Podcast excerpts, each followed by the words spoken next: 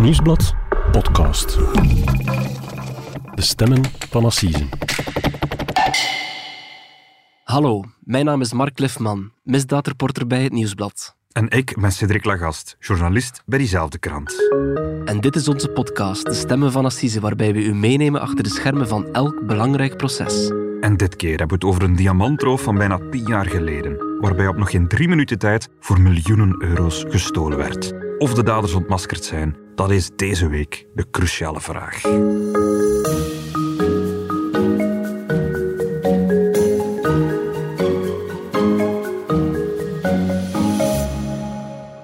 Dag Cedric. Dag Mark. Cedric, welkom terug in de studio. Dankjewel. Eerst, eerst en vooral natuurlijk eh, mijn beste wensen voor jou voor Ja. het eh, komende jaar. Insgelijks. Dankjewel. De, de, de kerstvakantie is nu helemaal achter de rug en ondertussen zijn de rechtbanken zeg maar, uit een eh, kerstslaap ontwaakt en zijn wij terug met een nieuwe wekelijkse aflevering Ja. van De Stemmen van Assise. Klopt, voor wie ons gemist heeft, want we hebben de afgelopen dagen toch al een paar berichtjes gekregen van mensen die zeiden, ah, waar blijft die nieuwe aflevering? We zijn er vanaf nu, net zoals vorig jaar, elke vrijdag opnieuw met een nieuwe aflevering. Ja, en toch nog even zeggen, Cedric, we hebben deze week eh, opvallend nieuws wel gekregen over onze podcast. Ja, klopt. We zijn genomineerd voor een podcastprijs, zo blijkt. En we zijn natuurlijk elke keer heel blij met elke nominatie. Ook al omdat heel veel van die nominaties eh, vanuit het publiek komen. Hè. Dat zijn mensen eh, De luisteraar, hè. die enthousiast zijn, die ons naar voren schuiven. Maar dit keer zijn we genomineerd voor de Kastaars. En dat zijn de Vlaamse mediaprijzen. Dat is een nieuwe prijs, hè. maar wel, allez, laten we zeggen, een big deal om het zo te zijn. Ja, absoluut. Eh, De Kastaars, voor wie het zich nog kan herinneren, vroeger in, in de jaren 90 van de vorige eeuw, toen had je eh, het gala van het Gouden Oog. Met Luc Appermond. Voilà, Luc Appermond mocht elk jaar een zak met gouden ogen mee naar huis nemen als beste presentator. En dan, in de jaren 2000, had je eh, het, de nacht van de Vlaamse televisiesterren. Misschien herinner je nog die beelden van Bart de Wever die in een pandapak het podium opwandelt. Uiteraard, en dat niemand die beelden zich niet kan herinneren. Nee, en wel, de Kastaars moeten daar de opvolger van worden. En eh, naast tv-persoonlijkheid van het jaar of tv-programma van het jaar, wordt ook de podcast van het jaar verkozen. Spannend. Dat is een beetje spannend, ja, absoluut. Ja, Wie vindt dat wij een prijs verdienen, die mag op www.kastaars.be op ons stemmen. Doen zou ik zijn. Voilà. Nu, genoeg over onszelf. Cedric, eh, we gaan het over een, een nieuwe zaak hebben. Ja. Eh, over welke rechtszaak wil jij het nu precies hebben vandaag? We gaan het hebben over een zaak van eh, bijna tien jaar geleden, want volgende maand in februari zal het exact tien jaar geleden zijn dat er op de luchthaven van Zaventem een spectaculaire diamantroof werd gepleegd. Het is op een paar minuten tijd gebeurd en er is toen voor 37,5 miljoen euro aan diamanten weggegritst op de luchthaven. Ik zie die beelden nog volledig voor mij op de luchthaven. Het was natuurlijk ook een, een zaak die dagenlang het nieuws domineerde. Ja. Maar als ik het goed begrijp, de, de, het nieuwe eraan is dat de overvallers nu vandaag voor de rechter verschijnen. Ja en nee, dat is eigenlijk een beetje de vraag, Mark. Want ja, er loopt sinds deze week inderdaad een rechtszaak, een proces in Brussel over die overval. Maar dat is eigenlijk al het derde proces dat loopt. En de vraag is of de mannen die nu terecht staan, of dat, dat wel de rovers zijn en of ze hiervoor veroordeeld zullen worden. Cedric, dus we gaan het over een, een diamantroof hebben. We hebben het in een, in een vorige podcast ook al eens gehad over een roof waarbij de, de kluisjes van een diamantair centrum werden geplunderd. Ik weet nog goed dat jij daarvoor zelfs naar Italië bent gereisd om met het, eh, ja, het zogenoemde meesterbrein Leonardo Notarbartolo te gaan praten. Ja. Nu, het is niet de eerste keer dat er in België, eh, denk ik, een diamantroof is, is gebeurd. Er zijn er een paar geweest. En meestal, herinner ik me dan, ja, dat, is dat in het Antwerpse diamantmilieu. Ja. Want daar staan ze voor bekend natuurlijk. Ja. Maar hier gaat het over een diamantroof, zeg je, op Zaventem, op de nationale luchthaven. Ja, en, en toch ging het ook over, over Antwerpse diamanten, want het waren diamanten die van het Antwerpse diamantkwartier passeerden op de luchthaven van Zaventem. Ze waren onderweg naar Zwitserland, dus ze Mhm. moesten van Antwerpen naar Zwitserland. En een van de theorieën nu is eigenlijk dat de rovers op zoek waren naar de zwakste schakel in die ketting tussen Antwerpen en, en Zwitserland.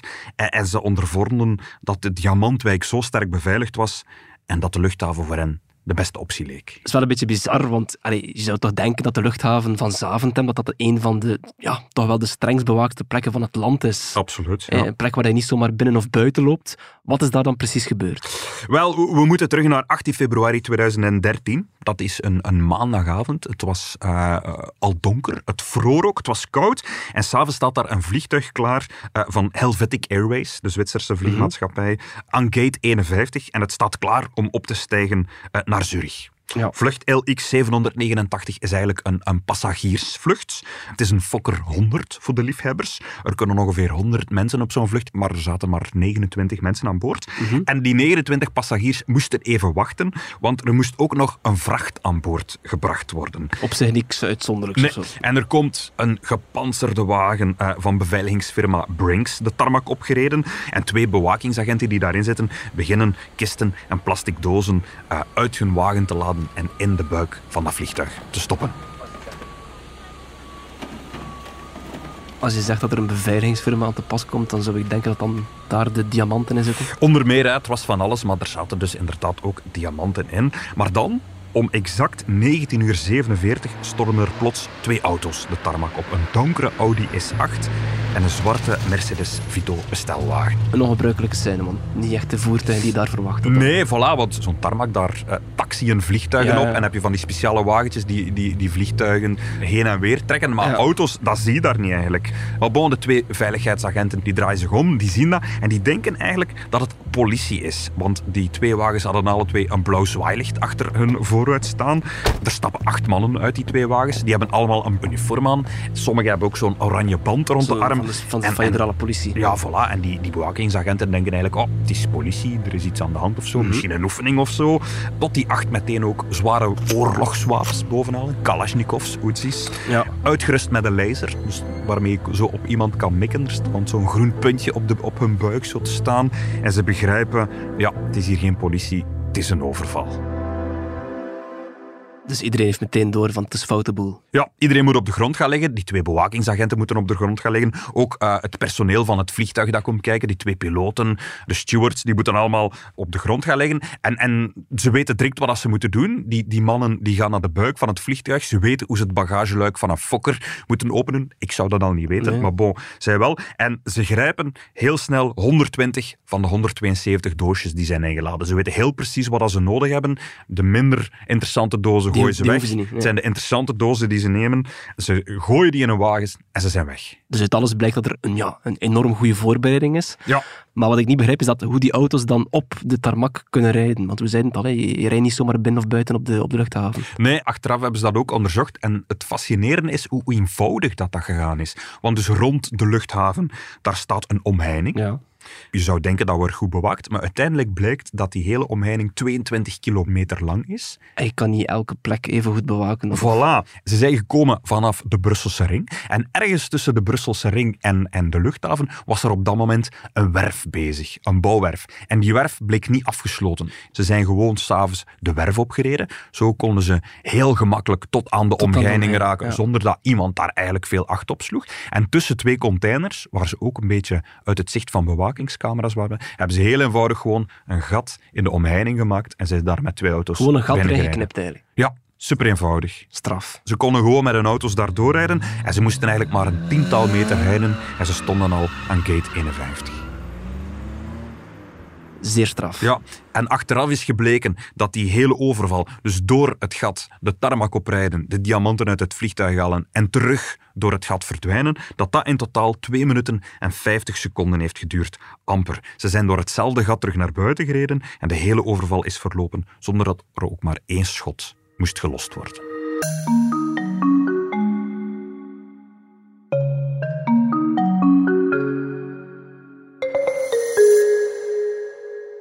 Dus Cedric, een, een, aantal mannen hebben dus ja, op nog geen drie minuten tijd een miljoenenbuit gemaakt. Weet je ook hoeveel daders erbij betrokken waren? Die bewakingsagenten en het vliegtuigpersoneel zeggen dat er eh, uit elke wagen vier personen zijn gekomen. Mhm. Dus in totaal waren er minstens acht overvallers aanwezig. Acht overvallers. En wat weten we over de buit die ze hebben gemaakt? Wel, daar is heel lang over gespeculeerd, want uiteraard, je weet dat, daar wordt dan geheimzinnig over gedaan. Wat hebben ze gestolen, wat hebben ze niet gestolen? Daar zijn ook verzekeringen bij betrokken en zo. Maar uiteindelijk heeft de diamantsector in Antwerpen zelf eh, duidelijkheid geschept. Mhm. En er zou die avond voor 50 miljoen dollar, ofwel 37,5 miljoen euro zijn Waanzinnig gestolen. bedrag toch? Maar op dat moment, hè, dus dat, is allemaal, dat blijkt dan hè, hoe, hoe, hoe groot die buit is, maar er is nog geen sprake van de dader op dat moment. Er is, hey, we weten nog niet om wie het gaat. Nee. Ik veronderstel, de politie die zetten alles op alles om, om, ja, om een achtervolging in te zetten en de daders te, te vatten. Ja, absoluut. Uh, de, de federale luchthavenpolitie die, die, zijn daar onmiddellijk te plaatsen. Die, die, die waarschuwen natuurlijk iedereen. Er wordt diezelfde avond nog een klopjacht ingezet. Mm -hmm. uh, uh, maar de gangsters zelf creëren een dwaalspoor. Want diezelfde avond wordt er een brandende bestelwagen opgemerkt langs de Brusselse Steenweg in Zillik. Dus ze denken natuurlijk, dat is die wagen van de overval. Er is bij die overval een bestelwagen mm -hmm. gebruikt. Dus dat zal die wel zijn dat ze daarin in brand hebben gestoken. Om sporen uit te wissen. Alle politie snelt daarheen. En later zal blijken dat die wagen daar eigenlijk niks mee te maken heeft. Dat er gangsters, andere gangsters, net na de overval daar een bestelwagen in brand hebben uh, gestoken. Als afleidingsmanoeuvre. Want de daders waren eigenlijk langs de andere kant gevlucht. Want uh, later, in, een dag later denk ik, wordt er in Vilvoorde uh, die twee auto's die wel gebruikt zijn teruggevonden, ook uitgebrand. En het blijkt dat het zijn allebei gestolen auto's die speciaal voor die roof gestolen zijn. Dus de daders zijn compleet spoorloos. Eigenlijk wel, ja.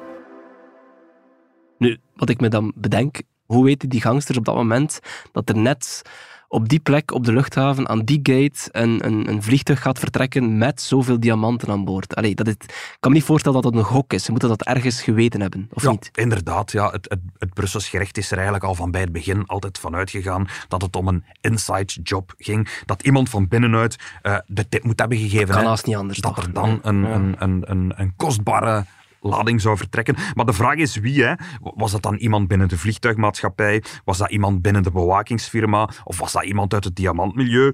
Bij zo'n operatie wordt er eigenlijk alles aan gedaan, uh, opdat er zo weinig mogelijk mensen van al die details op de hoogte zouden zijn. Bijvoorbeeld de Als er, diamanthandelaar. zulke, als er zoveel diamanten verscheept worden, bedoel je? Ja, bijvoorbeeld de diamanthandelaar die zijn uh, diamanten wil laten verschepen. Die brengt die niet naar de luchthaven. Die moet die in Antwerpen aan een, uh, aan, aan een kantoortje in Antwerpen afgeven. En, en, en die weet dan ook niet heel precies welke weg zijn diamanten afleggen. En de bediende bijvoorbeeld, die mag die diamanten inspecteren, maar die kent ook de verdere route niet, want die diamanten worden eerst nog naar een depot van Brinks gebracht en van daaruit pas vertrekt het op een later moment naar het vliegtuig. En um, bijvoorbeeld ook bij de luchtvaartmaatschappij zijn zo weinig mogelijk als mensen daarvan op de hoogte. De piloten bijvoorbeeld, die worden niet ingelicht dat ze die nacht, dat ze die avond diamanten gaan vervoeren. Dus zo weinig mogelijk mensen weten van het verschepen van de operatie, Ja, maar dat is de bedoeling. bottom line hier, die eigenaars van die diamanten zijn wel een, een diamanten kwijt. Ja, klopt. Wel, er waren drie bewakingsfirma's voor wie die vlucht diamanten ging vervoeren. Uh, maar alleen Brinks Diamonds had een vergunning om op de tarmac te komen. Nu, um, Brinks heeft haar klanten terugbetaald. Die hebben daar heel snel over gezegd van ja, wij, wij betalen klanten terug als dat gebeurt. En, en ja, later uit het jaarrapport van 2013 is gebleken dat Brinks door die overval 14,6 miljoen euro schade heeft Ook een geleden. gigantisch bedrag. Ja, en wellicht hebben die twee andere bewakingsfirma's die betrokken waren net hetzelfde gedaan.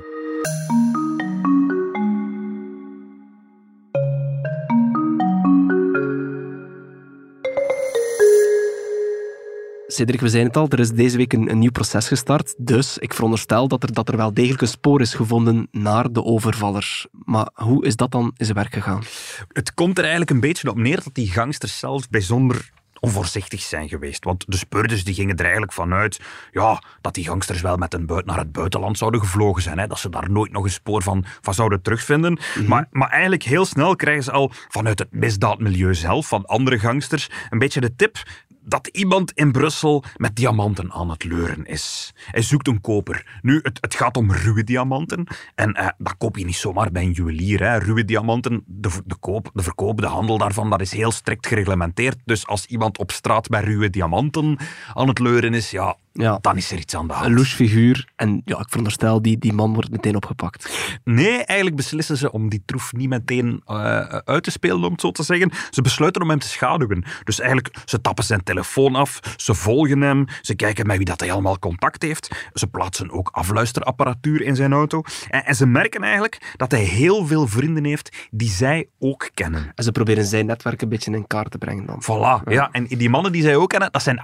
ex-gangsters, zeg maar. Dat zijn mannen tussen de 30 en de 50 jaar uit het Brusselse, die vroeger in het misdaadmilieu zaten, maar die een paar keer tegen de lamp zijn gelopen, die veroordeeld zijn, die verbrand zijn en die eigenlijk ja, een beetje weggedemsterd zijn eigenlijk. Geen topcriminelen meer, maar eerder een beetje B-figuren. Voilà, absoluut. Eh, En, en toch lijkt het die mannen toch nog voor de wind te gaan, want ze hebben plots bakken geld. Ze zien hoe een van die mannen in, in, in de duurdere bars met, car, met callgirls uh, bakken geld uitgeeft. Ze gooien met geld, het kan niet op. En een van hen die betaalt in één keer de lening van zijn huis af. Een ander die koopt een huis. Ja, het, het kan niet op. Grote sier. Ja, absoluut natuurlijk voor de speurders, ja, die vragen zich dan af, ja, van waar komt dat geld? Ja, wel, de speurders hebben ook een meevaller, zeggen ze. In de rechtszaal hebben ze verteld dat een van de afgeluisterde mannen op een dag per ongeluk met zijn gsm in zijn broekzak naar een nummer heeft gebeld. Een broekzakbaar. Ja, voilà. Dus je kent dat, je gsm zit in je zak en als hij niet vergrendeld is, bel je per ongeluk naar iemand. Nu, wie dat was, dat doet er niet toe, maar ze luisteren dat gesprek af en zo kunnen ze eigenlijk een ander gesprek horen dat op dat moment gevoerd wordt in, in de nabijheid van die gsm. En, en de daders, als een gangster over de telefoon belt, is hij heel erg op zijn hoede. Op zijn hoede. En, en, nu totaal niet. En ze hebben het over, over steentjes. En, en met steentjes Daarmee bedoelen ze diamanten. Klinkt als diamantjes dan. Ja, absoluut. Ja. Voor de speuders valt dan de puzzel in elkaar. Ja, er volgt nog een meevaller. Ze krijgen eigenlijk een tip van de Marokkaanse politie. Een tip over een 46-jarige Fransman die in Marokko woont, in Casablanca. Het is een ondernemer die daar vastgoed bezit, die luxe wagens verhuurt. En, en de Marokkaanse politie die begint hem in de gaten te houden, omdat mhm. ze zien hoe dat hij ook plots heel veel geld bezit. Dat hij plots heel veel geld begint uit te geven in Marokko. Hij koopt een Porsche, hij koopt een Mercedes, hij koopt een luxueuze villa. En daardoor komt hij ook in, in, in het vizier bij de politie. Ze, ze vinden dat ook bizar. Ze vragen van hoe komt het dat die man zijn eens zo'n kapitaal heeft. En ze beginnen hem ook af te luisteren. Ze doen eigenlijk net hetzelfde als de Belgen met die Brusselse gangsters. En als ze hem afluisteren, horen ze hoe dat hij pocht tegenover zijn vriendin. Hij zegt aan haar dat hij betrokken was bij een grote slag in België. Je moet maar eens naar het nieuws kijken, zegt hij.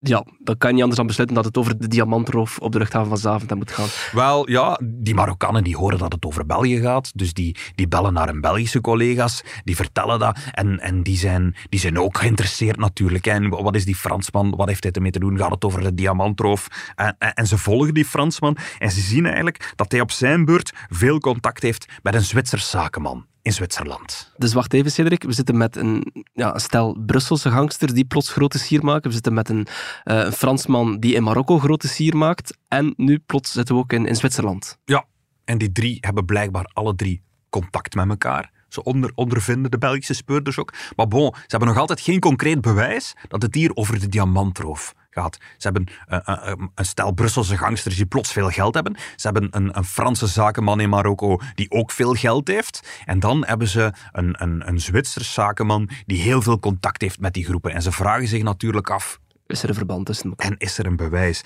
En als, ze, ze luisteren ook die Zwitser af, of ze laten dat doen door de Zwitserse politie. Liever. En plots horen ze hoe die man um, belt met een plaatselijke juwelier in Zwitserland. Ze horen hoe dat hij het heeft over twee diamantjes. En hij vraagt eigenlijk aan die juwelier om twee oorringen te maken voor zijn dochter met die twee diamantjes. Ja, cadeautje. Ja, en die eigenlijk, ze beslissen, daar willen we meer van weten. En discreet valt de Zwitserse politie op een dag binnen bij de juwelier, zonder echt te zeggen waarover dat gaat. Mhm. Ze bestuderen die diamanten, ze bestuderen ook de papieren die erbij zitten. En wat blijkt, ze zijn allebei gestolen bij de roof op Zaventem.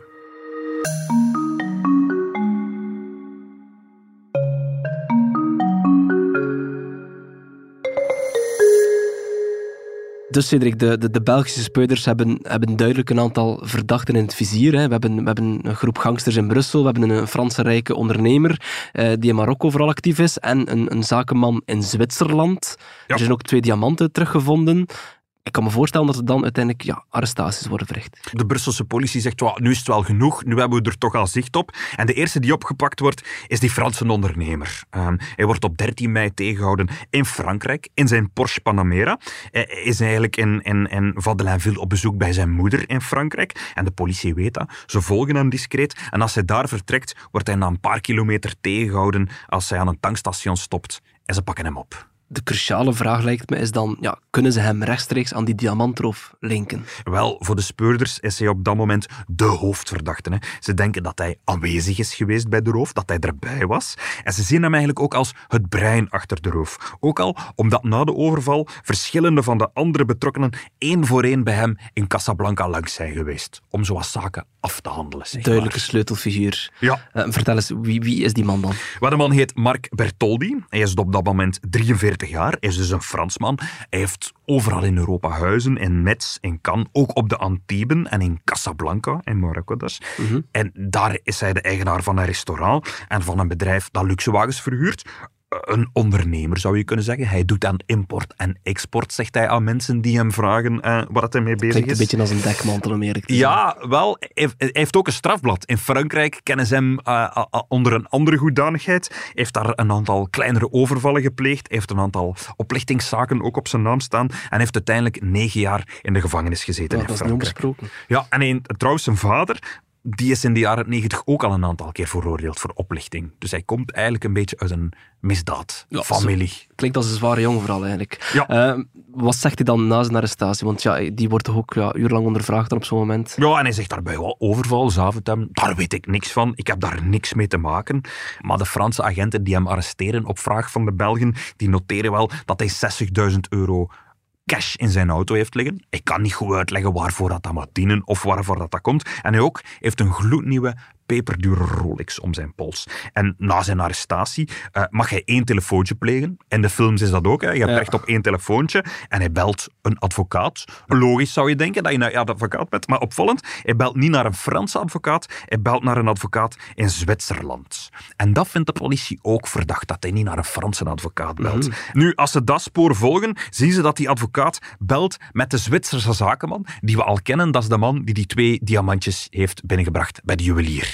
Ja, maar dat is, dat is duidelijk verdacht. Ja, hoogst verdacht. En ze zien dat die twee afspreken, dat die advocaat en die Zwitserse zakenman een afspraak maken in Zwitserland. En ze besluiten daar ook naartoe te gaan.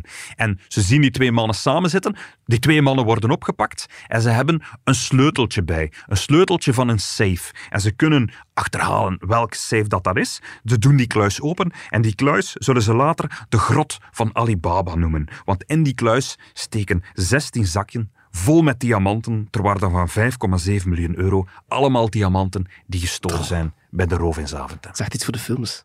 Eh, maar ja, op zo'n moment kan die, kan die Zwitserse zakenman niet meer beweren van dat hij helemaal ja, van, niets, van niets van die overval af weet, toch? Nee, hij is er gloeiend bij, want hij heeft de sleutel vast Ja. wa- waarmee dat ze de diamanten van de roof vinden. Dus ze kunnen hem rechtstreeks linken aan de roof. Nu, ja, hij wordt ondervraagd. Hij, hij gaat een beetje door de knieën. Hij zegt...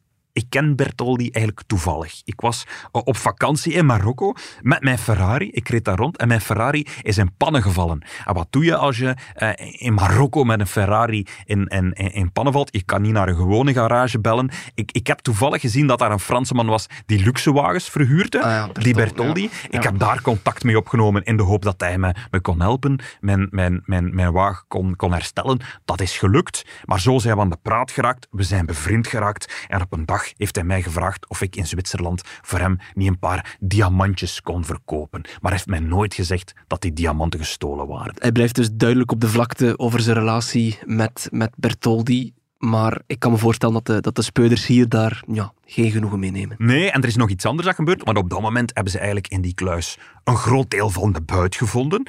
Dat is bewijsmateriaal, dat is een, een, een, een, een rode vlag, zeg maar. En ze kunnen die, ze kunnen die buit linken aan de Fransman, eh, aan Bertoldi. Ja. Ze kunnen die linken aan die Zwitserse zakenman, maar ook aan die Brusselse gangsters, want die zijn allemaal op bezoek geweest bij Bertoldi. En die plots van de ene dag op de andere grote sier maakten in Brussel. Voilà, en, en dan klapt de val dicht. Hè. Op één ochtend, eh, op een woensdagochtend, vallen er 250 agenten op 31 plaatsen binnen in Brussel en, en in de gemeente daar rond. En er worden 31 mensen opgepakt. Allemaal verdacht van de diamantroof. En op dat moment is de bende volledig opgerold. Dat hoopt de politie toch, hè? maar allemaal zeggen ze één voor één dat ze niks met heel die overval te maken hebben.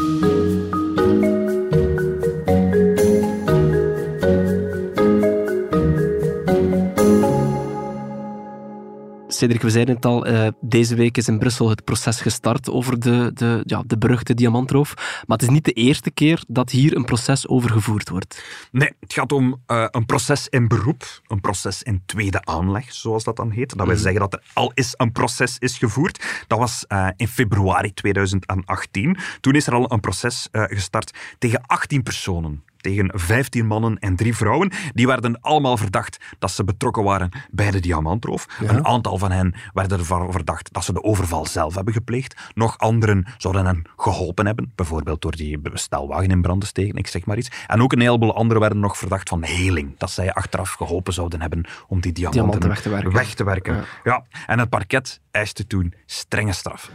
Ja, maar je zei het daarnet al, hè, dat, eh, dat, ja, de, dat de verdachten bij een arrestatie zeiden van ja, ik heb er niks mee te maken. Hoe, hoe klonk hun uitleg op het proces dan? Wel, ze zijn dat ook blijven zeggen in de rechtszaal. hè. Allemaal ontkenden ze dat ze ook maar iets te maken hadden met die overval. Dat was allemaal één groot misverstand. Ze lieten zich ook allemaal bijstaan door Brusselse topleiders, door advocaten zoals Sven Marie of door Olivier Martins. Niet tenminste. Nee, en die advocaten die hebben eigenlijk maandenlang onophoudelijk ingebeukt op dat dossier van het Brusselse op de, op de gaten in het onderzoek gewezen en de, gewezen op de details die Omdat het ontbraken. onderzoek zo gezegd niet goed genoeg gevoerd werd. of? Ja, en het proces heeft eh drie en een halve maand geduurd. En het is eigenlijk met een grote verrassing geëindigd. Op het einde gebeurde eigenlijk het onverwachte. Ze werden alle 18, één voor één, allemaal vrijgesproken. Te weinig bewijzen. Vrijgesproken. Dat is, allee, voor het Belgische gerecht is dat dan toch ja, blamage. Absoluut, ja. 18 vrijspraken, dat kom je niet vaak voor. Zeker niet in, in, in, in dit soort nog gezien, dossiers. we hebben nog gezien, zoals er, als er procedurefouten werden gemaakt, dat, dan gebeurt het wel eens dat er een drugsbende vrij uitging, maar 18 mensen in zo'n dossier. Ja, een dossier ook waar ik jaren op gewerkt is. 18 vrijspraken. Het hadden er eigenlijk 19 moeten zijn, want de hoofdverdachte, het brein, Marc Beltoldi, die was er niet bij. Die zat op dat moment in Frankrijk in een Franse cel, veroordeeld omdat hij in juni 2015 de vriendin van de Formule 1-baas Gérard Lopez ontvoerd had. En dat hij 5 miljoen euro gevraagd had voor haar vrijlating aan de Formule 1-baas. Maar dat snap ik niet zo goed, want dat is dan ja, goed een jaar nadat de diamantroof in Zaventem is gepleegd. Dus ik Ja. zou veronderstellen dat hij, net, ja, dat, hij toch, dat hij toch opgesloten zit in de gevangenis. Wel, hij was opgepakt in Frankrijk. Hij was ook uitgeleverd aan ons land. Maar in december 2013, een goede elf maanden eigenlijk na de overval, is hij eigenlijk onder voorwaarden vrijgelaten door het Brussels gerecht. En ja, van die vrijlating heeft hij ja. geprofiteerd om, eh, om, om, om die vrouw van de FE-baas te kidnappen eh, in haar huis in Frankrijk. En hij heeft haar eigenlijk naar een caravan in de buurt van Charleroi gebracht en haar daar vastgehouden. En hij is eigenlijk tegen de lamp gelopen omdat de politieman die in die buurt van die caravan rondreed hem herkend heeft. En hij heeft acht jaar cel gekregen. Eh, maar hoe dan ook, op het moment dat hier in Brussel het proces over de diamantroof begint, zat hij eigenlijk in een Franse cel en hij was niet op tijd terug in België voor het proces over de diamantroof. Ja, en op dat proces werden 18 mensen net vrijgesproken.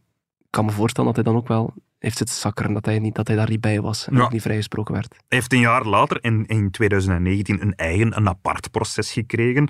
Daar hield hij vol eh, dat hij nooit één voet op de tarmac heeft gezet, dat hij niks van die overval af wist. Nu, die diamanten, daar kon hij niet onderuit, want die Zwitserse zakenman had Ja, wel degelijk gezegd mee. dat hij die Ja. diamanten van hem had gekregen. En daarvan zegt hij, ja, goh, ja, ik heb die diamanten eigenlijk toevallig gekregen. Ik heb die gekregen van iemand, van een man in een park in Schaarbeek, met de vraag om ze voor hem te verkopen. Ik heb die doorgegeven aan die Zwitser, maar eigenlijk, ik wist niet dat ze gestolen waren. En heeft de rechter hem daar dan in gevolgd? Wel, zijn advocaat Dimitri de Beko, eh, die vroeg de vrijspraak. Die zei, er is geen enkel element waaruit blijkt dat mijn cliënt betrokken was bij die overval.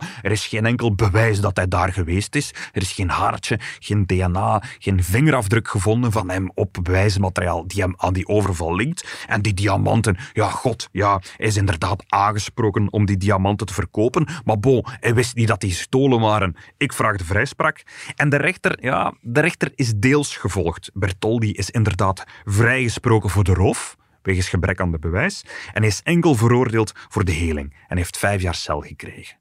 En dan nu is een, is een proces in beroep gestart. Ik vermoed dat vooral het, Brusselse parket eh, niet, niet echt gediend was met, die, ja, met, de, met het resultaat van het, van het eerste proces, van die 18 vrijspraken. En dat het vooral het, het Brusselse parket is dat ja, beroep heeft aangetekend tegen die vrijspraken. Ja, dat klopt. Maar er is wel één opvallende wijziging, zullen we maar zeggen. In het eerste proces stonden 18 mannen terecht. En ze hebben nu een nieuw proces aangespannen. Niet tegen 18 verdachten, maar slechts tegen vier van hen. Van de 18 zijn er nu nog maar vier die moeten terechtstaan. Die 14 anderen, die, tegen hen hebben ze de zaak laten vallen. Wat Een op beetje zich een light versie van de rechtszaak. ja, wat heel opvallend is, ook al, eh, we zijn vier jaar verder en intussen tijd hebben ze ook nog bijkomend onderzoek gedaan. Ze hebben Ja. nog hard gezocht naar bewijzen tegen die veertien mannen en ze hebben eigenlijk niks gevonden. En ze hebben eigenlijk geconcludeerd dat ze met hun dossier ehm, eigenlijk maar vier mannen voor de rechter kunnen of willen, ehm, willen slepen, laat ik maar zeggen. Ehm, Klinkt een beetje als een voorzichtige strategie dan, ja, om het proces in beroep aan te vatten. Ja, klopt. Het, het is ook niet tegen Mark Bertoldi, die is veroordeeld tot vijf jaar cel. En eh, van die man hebben ze beslist dat ze eh, hem zullen laten rusten. Dat Dus ze dat hem hij niet, achter de tralies zit. En... en ze klagen hem niet opnieuw aan als het brein achter de overval of als een van de overvallers. Nee. Oké, en hoe lang gaat dat proces nu duren? Want eh, de, het vorige proces heeft meer dan drie maanden geduurd. Is dat Eh, ook het, zo? het zal allicht de hele maand januari duren. Toch ook wel eventjes. Nu, eh, je zei ook, het, het was een inside job. Hè? Het was duidelijk dat die, dat die gangsters ergens een tip hadden gekregen waar dan die diamanten zouden ver- verscheept worden. Eh, is er ooit ontdekt geweest wie, ja, wie, die, wie die mol was of hoe ze aan die tip kwamen? Nee, dat is nog altijd een mysterie. Ehm, aangezien de verdachten zeiden dat ze er niks mee te maken hadden, hebben ze ook niks verteld over een tipgever. Nu, eh, uit de vele tapgesprekken is er wel één iets duidelijk geworden. En dat is eh, dat de bende misschien minder goed ingelicht was dan dat de speurders aanvankelijk dachten. Want de diamantroof, dat was wellicht een mislukte geldroof. De speurders, eh, die denken eigenlijk dat de bende eigenlijk niet zat te wachten op die diamanten, die eigenlijk heel moeilijk verkoopbaar bleken te zijn, zodat we dan eigenlijk vooral geld gewild hebben. En één week eerder was er op precies diezelfde locatie eigenlijk een vliegtuig vertrokken met een grote hoeveelheid cash. En wellicht wouden ze die hoeveelheid cash, wouden ze die zakken met geld en hebben ze zich gewoon van week vergist. Ja, ongelooflijk. Nu, je zei het daar- daarnet, eh, Cedric, dat, eh, dat er, dat er ja, in, in een safe in Zwitserland, dat daar dan de, de, de grot van Alibaba werd ontdekt, hè, toen er een deel van de diamanten werden teruggevonden. Hè, we spraken over ja, 5,7 miljoen. eh, Ja. De waarde daarvan, dat is- dat is- dat is stevig, maar het was dan niet alles, want ja, er was voor meer dan 30 miljoen euro... 37,5 miljoen. Ja, en dat is vaak bij diamantroven. Hè. Waar is de buit? Dat blijkt vaak eh, eh, de grote vraag. Er is ooit nog één diamant opgedoken in Thailand, een andere diamant in New York, maar het overgrote deel van de buit, dat is nooit teruggevonden. En dat zal altijd een mysterie blijven. Ik denk het wel.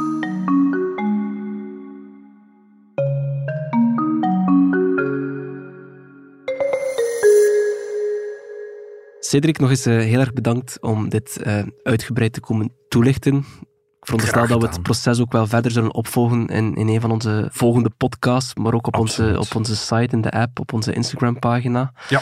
Rest mij niks anders dan nog eens eh, expliciet te bedanken en misschien ook nog een kleine oproep te doen aan onze luisteraars om voor ons te stemmen voor de award van de podcast van het jaar van de Kastaars. Op www.kastaars.be kan dat. Tot volgende week. Tot volgende week. Dit was De Stemmen van Assisen, een podcast van het Nieuwsblad. De stemmen waren deze week van Mark Cliffman en van mezelf, Cedric Lagast. De montage gebeurde door Benjamin Hertogs van House of Media. En de productie was in goede handen bij Joni Keimolen en Bert Heijvaart.